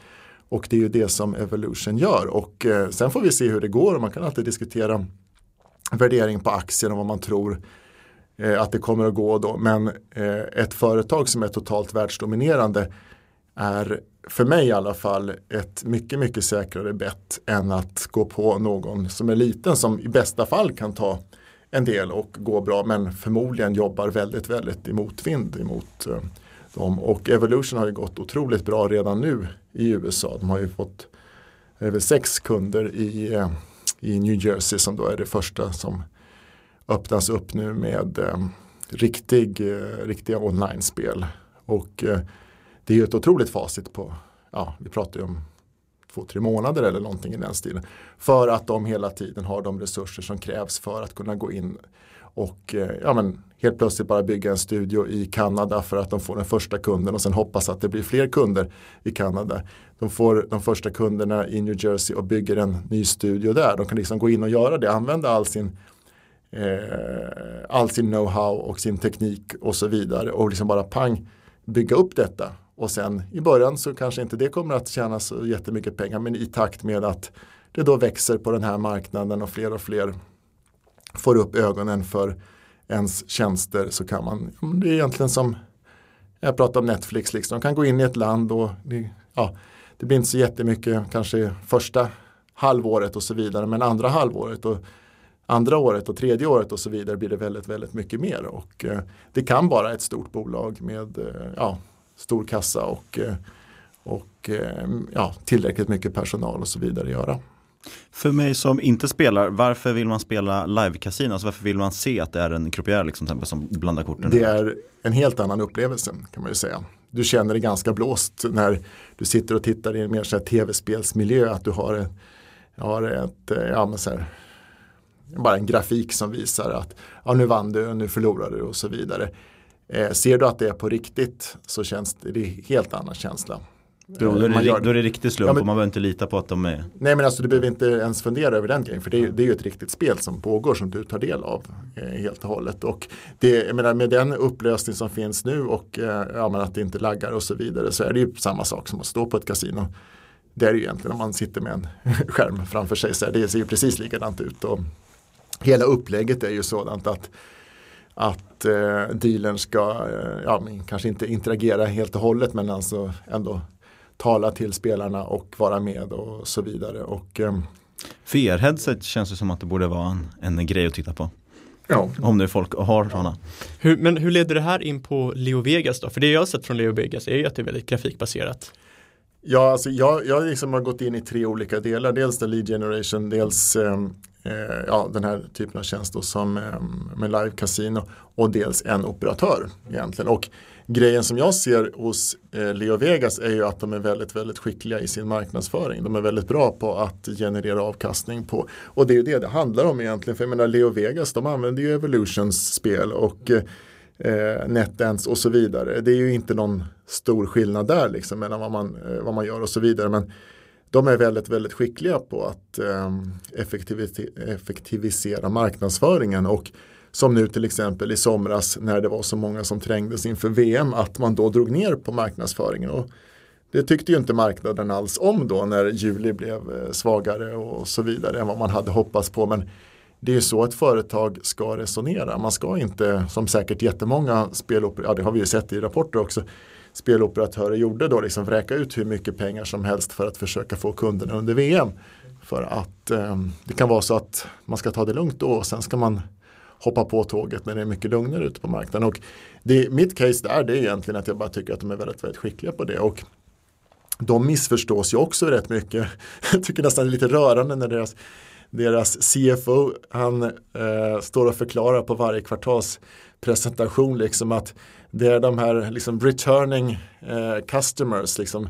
det är det ni ska titta på, det är det som är grejen och man märker liksom Ja, det, det, är inte alls det man får titta på i stor utsträckning utan det är ju verkligen liksom sista raden och, eh, och eh, omsättningssiffror idag. Liksom. Men eh, det är liksom så här, om kunderna stannar kvar så kommer man att tjäna pengar.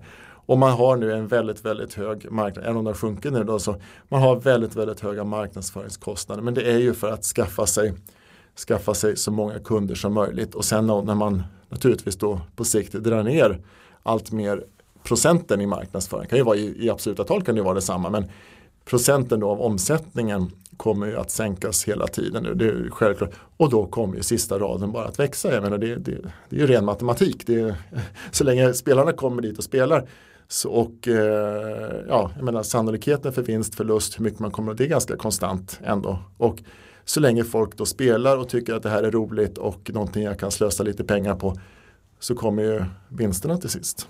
Så är det ju. Men de har ju fått väldigt, väldigt mycket stryk eh, efter att ha gått oerhört bra. Men det är samtidigt lite ironiskt när man tänker på att jag förstår mycket väl om ett bolag eller när ett bolag då handlas ner på att de eh, det går sämre, liksom, omsättningen faller eller i alla fall tillväxten faller och så vidare. Men när man tittar på dem idag så är de ju ett mycket bättre bolag än vad de var för ett år sedan. Och den står i samma, kursen står på samma nivå som den gjorde för ett år sedan. Och ja, då kan det vara en sektorrotation och värderingar av hela branschen och så vidare.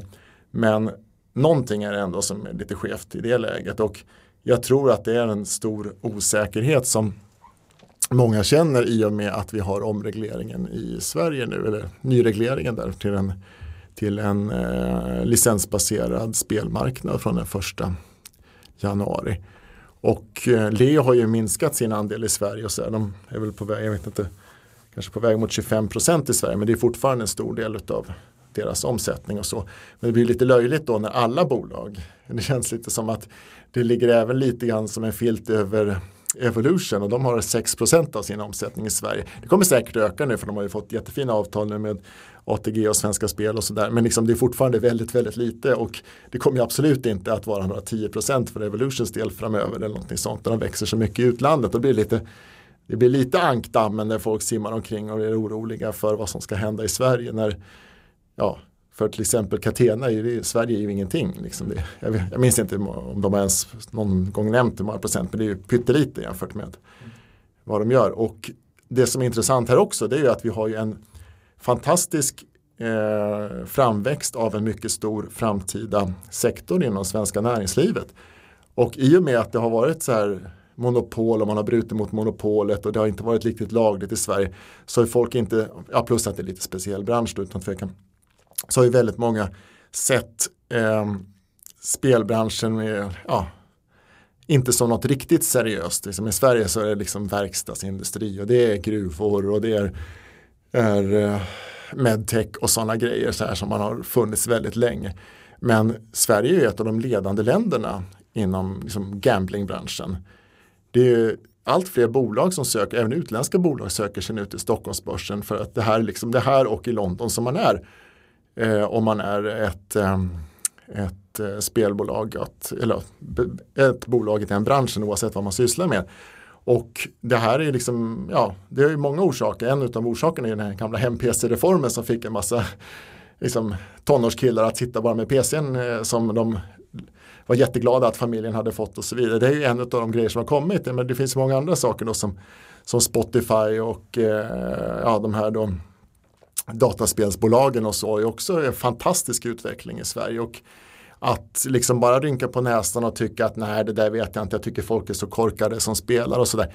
Ja det kan man göra om man vill men då missar man ju framväxten av en, liksom, en sektor som absolut kommer att vara lika viktig som gruvorna eller, eller detaljhandel eller någonting sånt i framtiden. Om vi bara kör 5-10 år framåt i tiden. Det skulle ju vara, det skulle förvåna mig något enormt om inte eh, liksom gambling sektorn var fullt i paritet med de delarna. Om vi går framåt fem år i tiden eller någonting i den stilen. För allting, precis allting tyder på det idag. Och det, ja, det som gör det så intressant. Eh, sen en sak jag i alla fall är väldigt intresserad av, jag vet inte om Niklas är det, i flera år, det är LVMH och det är någonting du har skrivit rätt mycket om. Ja, det får jag nog säga att eh, där var jag nog faktiskt först av de eh, som har skrivit i Sverige om det bolaget och det har varit jättekul att, eh, att eh, så många har blivit intresserade av det. Jag frågade en kompis på Avanza för något år sedan hur många, hur många eh, ägare de hade det hade ju 20-dubblats eh, på, på ganska kort tid. Det tyckte jag var jätteroligt. Men Eh, LVMH det kommer ju, eh, kan säga till början de som inte vet, och det är alltså ett eh, lyxkonglomerat, världens största. Det står då bokstäverna där för Louis Vuitton, Moët Chandon och Hennessy. Eh, de skapades och slog samman de här bolagen på 80-talet. De, går, eh, de äger ett 80-tal företag som allesammans eh, verkar inom eh, lyxsegmentet kan man säga i olika former. Äldsta går tillbaka till eh, 1300-talet, någon vingård och så. Men det är väldigt många företag som till exempel Louis Vuitton som skapades för varje 170 år sedan eller någonting i den stilen som har en extremt, extremt stark position på marknaden. Och eh Eh, jag, intresserade, intresserade mig för några år sedan för dem för, eftersom jag har en bakgrund då inom detaljhandeln när jag bodde i Tyskland. Och eh, de, eh, de är otroligt skickliga på att använda en del av sina väldigt starka kassaflöden till att köpa nya bolag. Och så har de gått då från att kanske ha varit på 80-talet ett tiotal till att idag då vara runt 80.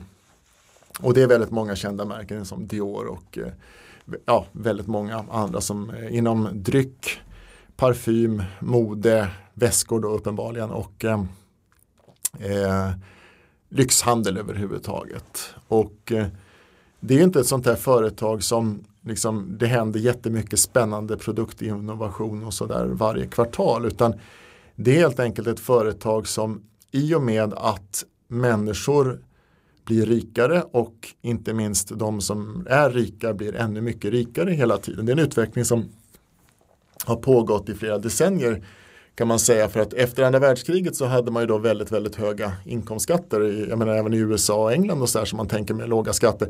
Även de hade ju otroligt höga skatter för människor som tjänade pengar. Och Sen så började det där ändras och framförallt under 80-talet att man skulle istället ha liksom konkurrenskraftiga skatter i ett land och man skulle inte liksom ha en jättestor statlig sektor och sådär som tog och det gjorde ju då att det blev en enorm skjuts för eh, rika människor och då menar jag inte bara liksom jätterika utan då menar jag liksom människor som eh, även liksom i vanlig medelklass har råd med allt mer. Och det är liksom bara att gå, ja, nu är vi i Stockholm här, gå ut på gatorna och se hur många tjejer som har eh, Louis Vuitton-väskor. En del är ju kopior då, men de allra flesta är nog ändå äkta och sådär. För att det är det här, den typen av lyx som svider när man köper för det kostar en del. Men man, har man liksom ja, god ekonomi så kan man köpa de här produkterna. Och inte minst så vill man ju också visa att man har den här smak och att man är framgångsrik och att man har alla ja, sådana här grejer.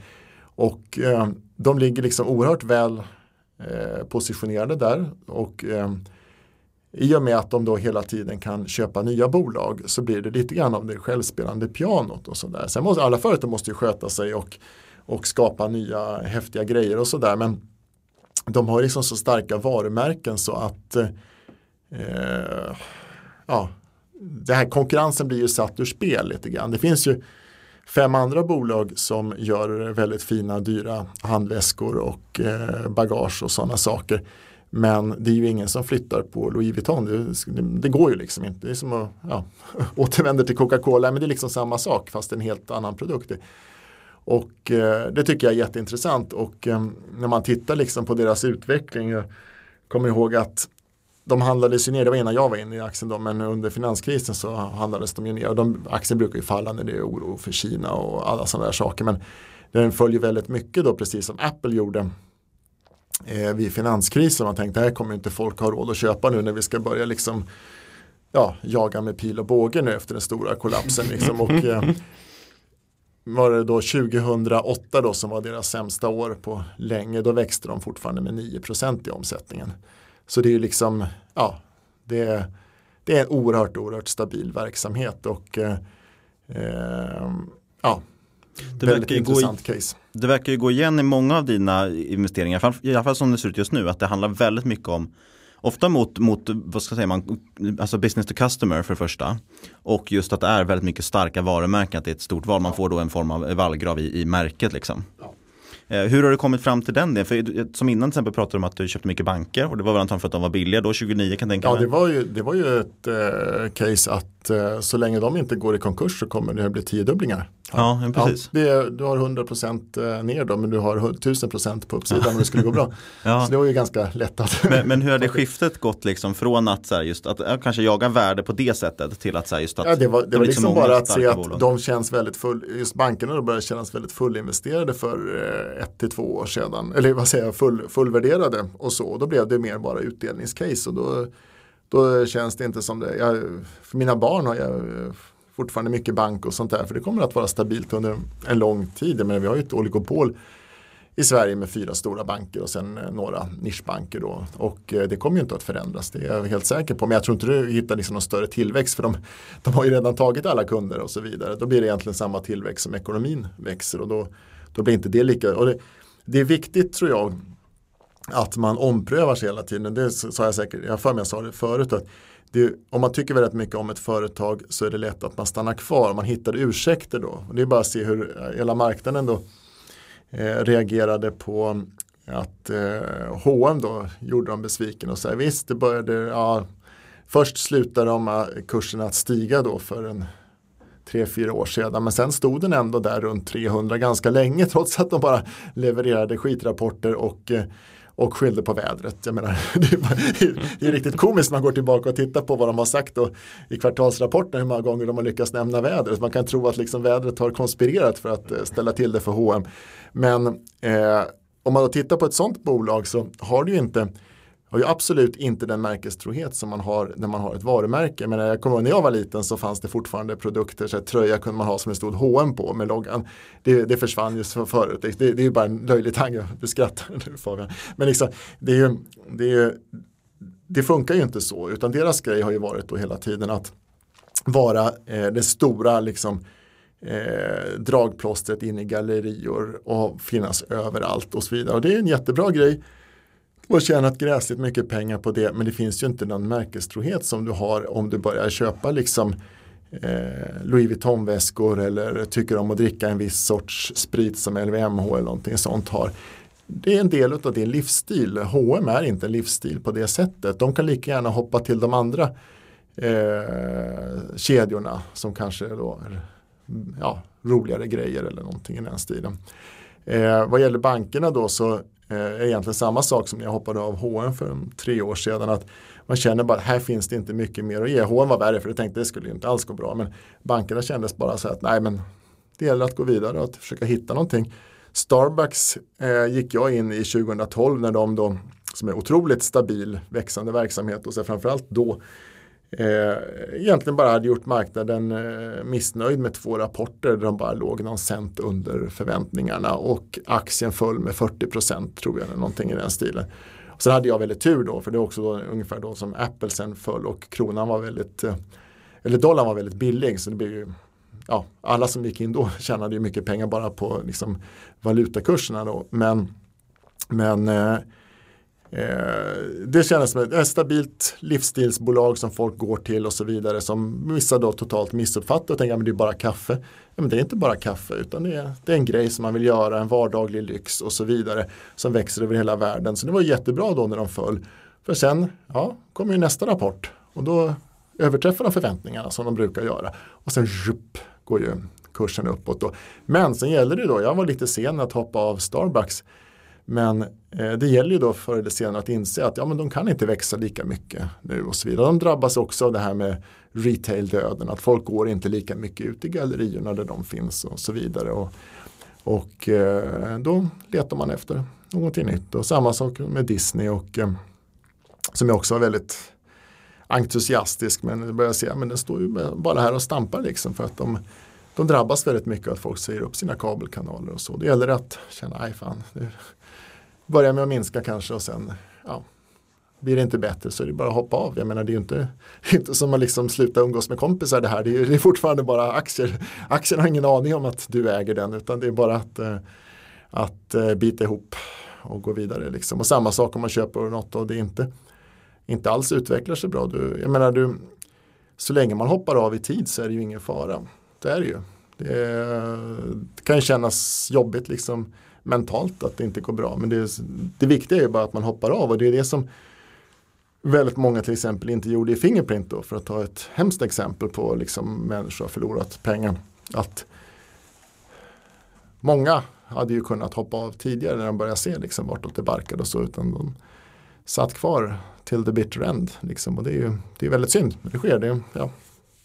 Det är ju inte en förlust förrän man realiserar den. Nej. Ja, det där Precis.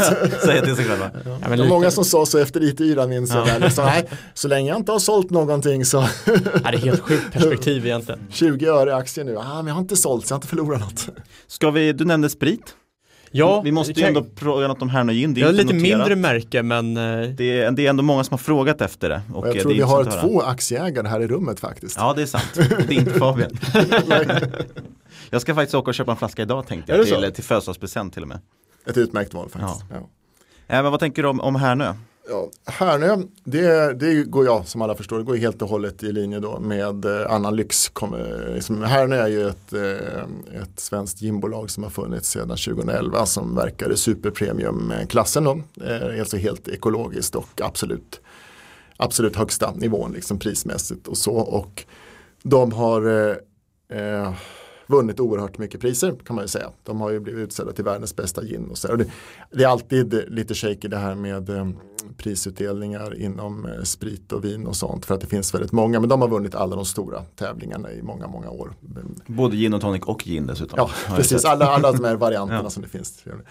Det, nej, det började faktiskt för, för bara ett och ett halvt år sedan. För att eh, jag hade en, en kompis som också tycker om att dricka gin. Han, han berättade om en, en eh, annan kompis till honom då som hade varit i London och eh, skulle då gå med några på ett ställe där man liksom dricker gin och sådär. Och de visste inte, bartendern där visste inte att han var svensk utan han, eh, han eh, hade bara sagt, liksom, han hade frågat ja, finns det någonting speciellt? Ja men det här ska du prova, det här, det här är a really, really special thing.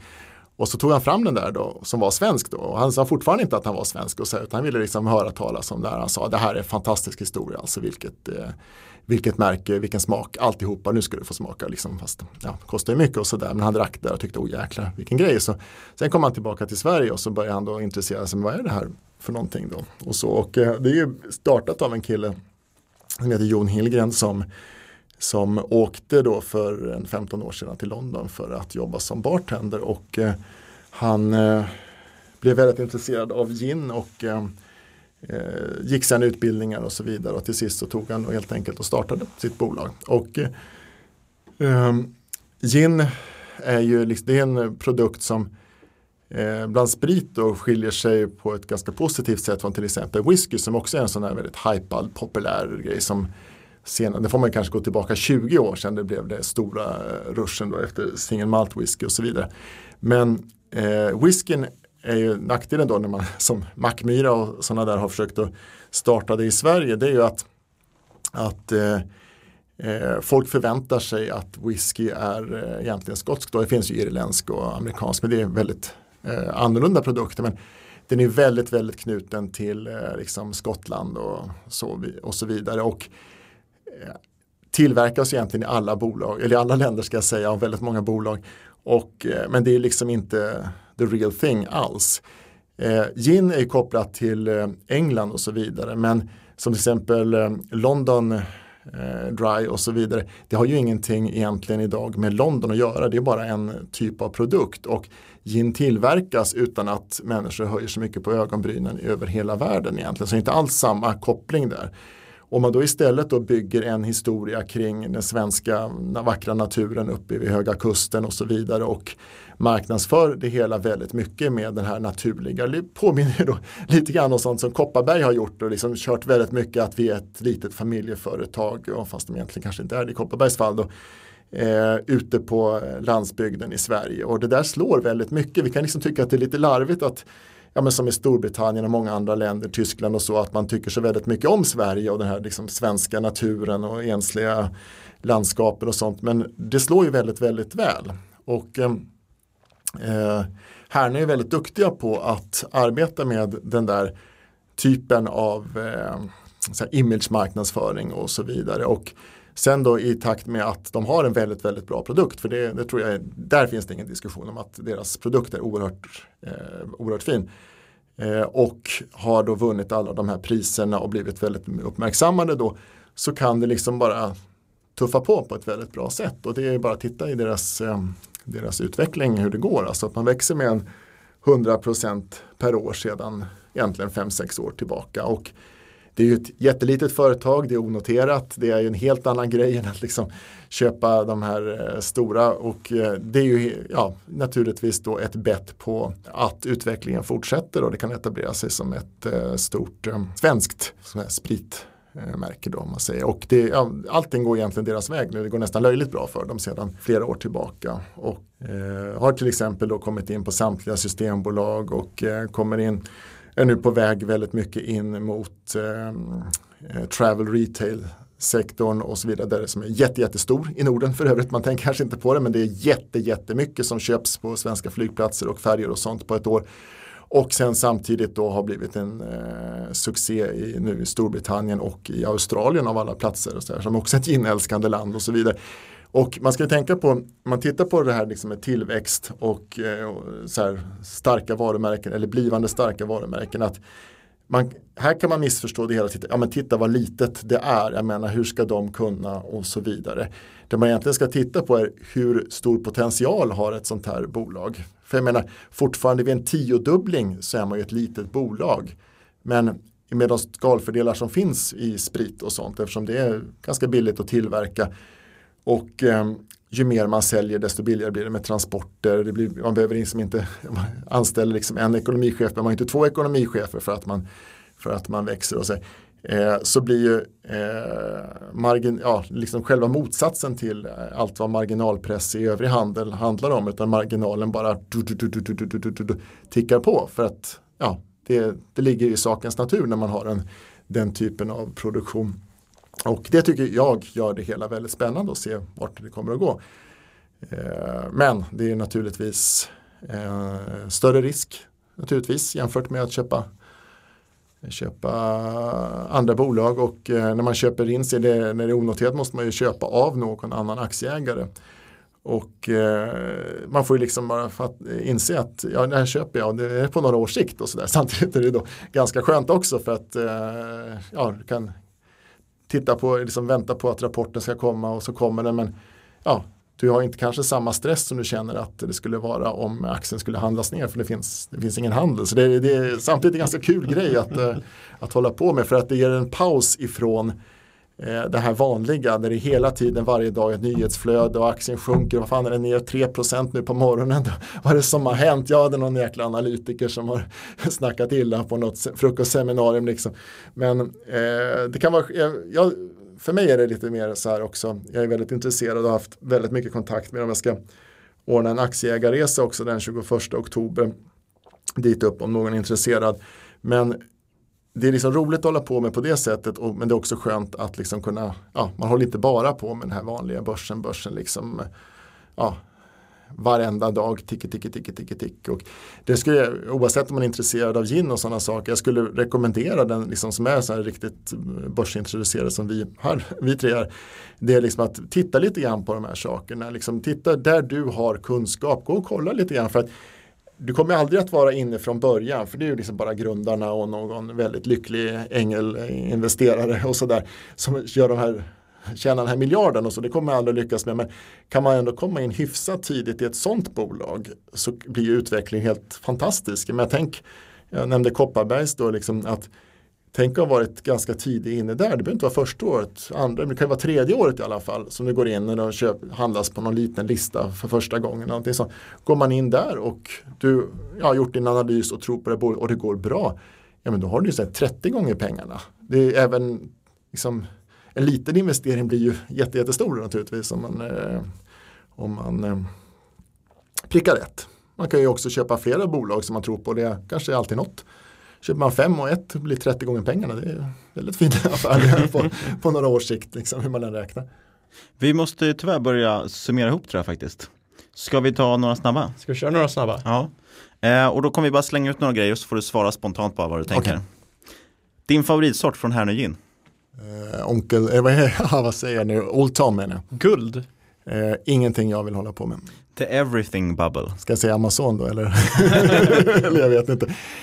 Eh, nej, jag, jag vet inte riktigt, är det ett uttryck eller? Ja, det kan man säga. Att, att allt skulle vara övervärderat. Nej, det tror jag inte. Nej. Det tror jag inte givet eh, räntorna och att jag inte tror att eh, räntorna kommer att stiga så jätte- jättemycket på sikt och i sådana fall så är det snarare ganska rimligt värderat och givet också eh, den fina utvecklingen. Man ska inte bara titta på aktiekursen, jag tycker många tittar bara så här aktiekursen går upp, jo men eh, om vinsterna ökar ännu mer då sjunker ju värderingen.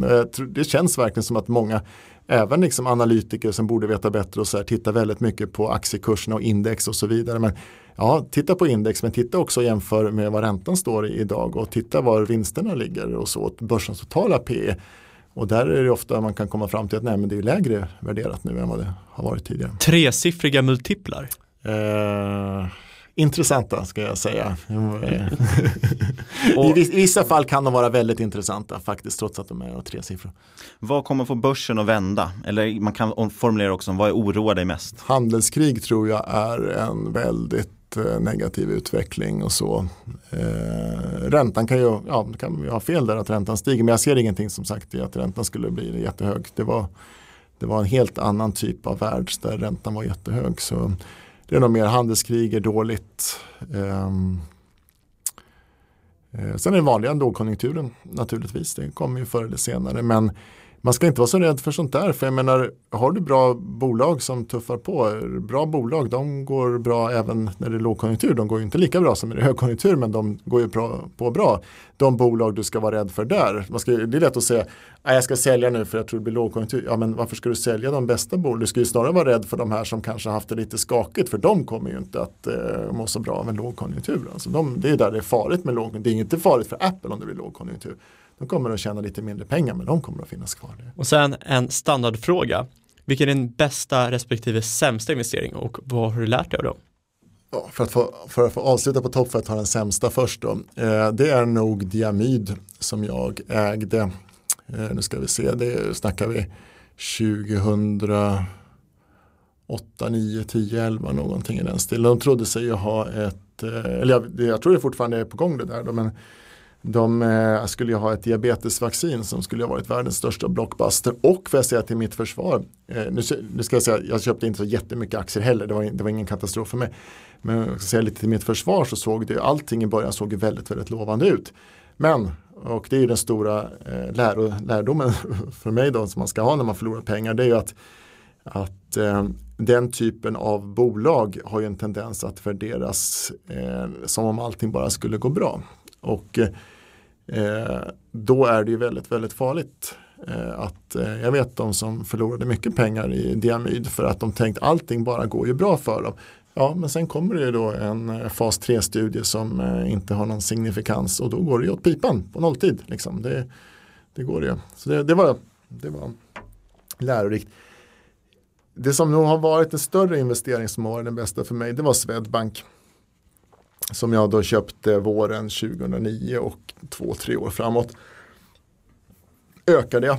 Och eh, det var liksom den första striden jag hade då på min blogg då med alla de som som sagt inte tyckte om banker överhuvudtaget. Men det var lärorikt på flera sätt. Dels var det lärorikt för att eh, man eh, jag såg hur många det var som helt enkelt inte tyckte om någonting och därför köpte de inte. Även om de kunde liksom säga att jo det är mycket möjligt att det här blir jättebra men jag tycker inte om banken. Då ska man, ja, men varför ska man låta sånt styra? Det är samma, jag tycker det är lite dåligt så här med spel och så, ja då kan man låta bli att köpa men samtidigt om man bara ska liksom gå på det där hela tiden då, då, då missar man väldigt många chanser och så.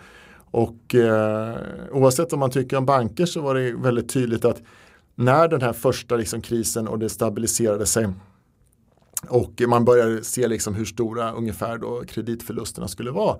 och man kunde genomföra en andra nyemission. För mig så var det, det var fullständigt självklart att det här kommer att gå bra. Alltså det skulle kräva en ny stor kreditkris eller något sånt men det fanns ju ingenting som tydde på det när, när vi hade haft den här stora utblåsningen och så vidare. Och man visste att Swedbank hade då liksom sina tre kollegor en väldigt, väldigt säker intjäning på sin liksom, ja, gamla marknad, framförallt i Sverige då. Så då var det egentligen bara att köpa och sen varje gång som det hände något så det rasade så köpte man mer och så sitter man still i botten och så är det tiodubbling efter några år. Och det är ju det är jättekul. Och apropå din blogg som du nämnde, vad följer man dig framöver? Var hittar man dig någonstans? Eh, mig hittar man då på fundamentalanalysbloggen, bara söka då, och på tradingportalen då varje fredag morgon som idag då till exempel. Eh, klockan nio kommer min fredagskrönika. Och så kan man följa mig på Twitter på underscore manheim. Och den här eh, aktieägarresan till Härnö kan vi nämna. Kontaktar man dig på Twitter då? Eller vad gör man då? Eh, jag kommer att lägga upp eh, närmare information på min blogg och naturligtvis marknadsföra det på Twitter. Jag håller på att kolla på olika alternativ då, hur det ska gå till. Perfekt, då säger vi stort tack. Tack så mycket. Ja, tack själva. Och då säger vi stort tack till Magnus. Riktigt bra intervju tycker jag. Fantastiskt. Eh, superintressant att höra hans process, superintressant att höra om hans case. Eh, jag tycker för att jag lärde mig väldigt mycket. Magnus är fruktansvärt rutinerad och fruktansvärt duktig på det han gör tycker jag. Ja, framförallt i gamblingsektorn som i alla fall jag troligtvis den enda svensken som inte varit inne och vevat i. ja, den är väldigt upp, uppsnackad på Twitter och sådär. Eh, och framförallt nu väldigt nedtryckt också, tycker jag att det kan vara lite intressant. Men som vanligt, vi ska vara transparenta. Eh, har vi några av innehaven vi har pratat om? Några av bolagen? Vi har pratat om Netflix. Nej. Apple har jag lite grann. Catena Media och Evolution Gaming har jag faktiskt köpt små, små, små, små, små, små, små, små, små poster i. Och sen har vi pratat Leo Vegas, ingen som äger det. Vi har pratat om Härnö Gin, det har jag ju lite aktier i också. Och eh, det är väl det jag kommer ihåg att vi pratade om. Nu låter jag jäkligt tråkig, men så kan det vara ibland. Eller så låter det som att jag bara tar rygg på Magnus. Vem vet? Oavsett okay, vilket. Det är därför han är i podden alltså. Oavsett vilket. Inget du har hört i den här podcasten ska ses som rådgivning. Alla åsikter är våra egna eller vår gäst och eventuella sponsorer tar inget ansvar för det som sägs i podden. Tänk på att alla investeringar förknippade med risk och sker under eget ansvar. Men ni får jättegärna kontakta oss på podcast marketmakers.se. Ja, jag säger det igen. Podcast marketmakers.se. Dit kan man ju till exempel skicka förslag på andra gäster, förslag på teman, förslag på case, allt möjligt. Vi får eller bara ge oss komplimanger. Ja, Besök oss jättegärna på Twitter, snabel marketmakerspod. Där hittar ni även våra egna Twitteradresser. Vad heter det för något? Twitter-handles. Lämna jättegärna också en recension på iTunes. Det betyder jättemycket om man kan få lite mer intresse och lite mer push för podden där. Sen vill vi såklart också tacka IPO.se som vi har ett fint samarbete med. Och sist, men absolut inte minst, tack för att du har lyssnat kära lyssnare. Vi ses igen om en vecka. Ha det bra.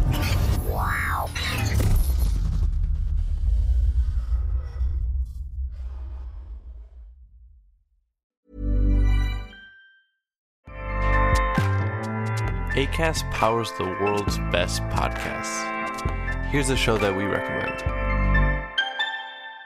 The Real Housewives is a guilty pleasure for most, but if you're looking to not feel guilty about that pleasure, tune in to Everything Iconic with me, Danny Pellegrino, where I break down all the messy moments and behind the scenes antics of Bravo's popular franchise. And on Everything Iconic, I also interview celebrity guests like Kelly Ripa, Kiki Palmer, Drew Barrymore, Cameron Diaz, and more about their guilty pleasures, their past work, and so much more. So if you're pop culture obsessed and find yourself watching way too much reality TV like me, tune in to Everything Iconic with Danny Pellegrino wherever you listen to podcasts.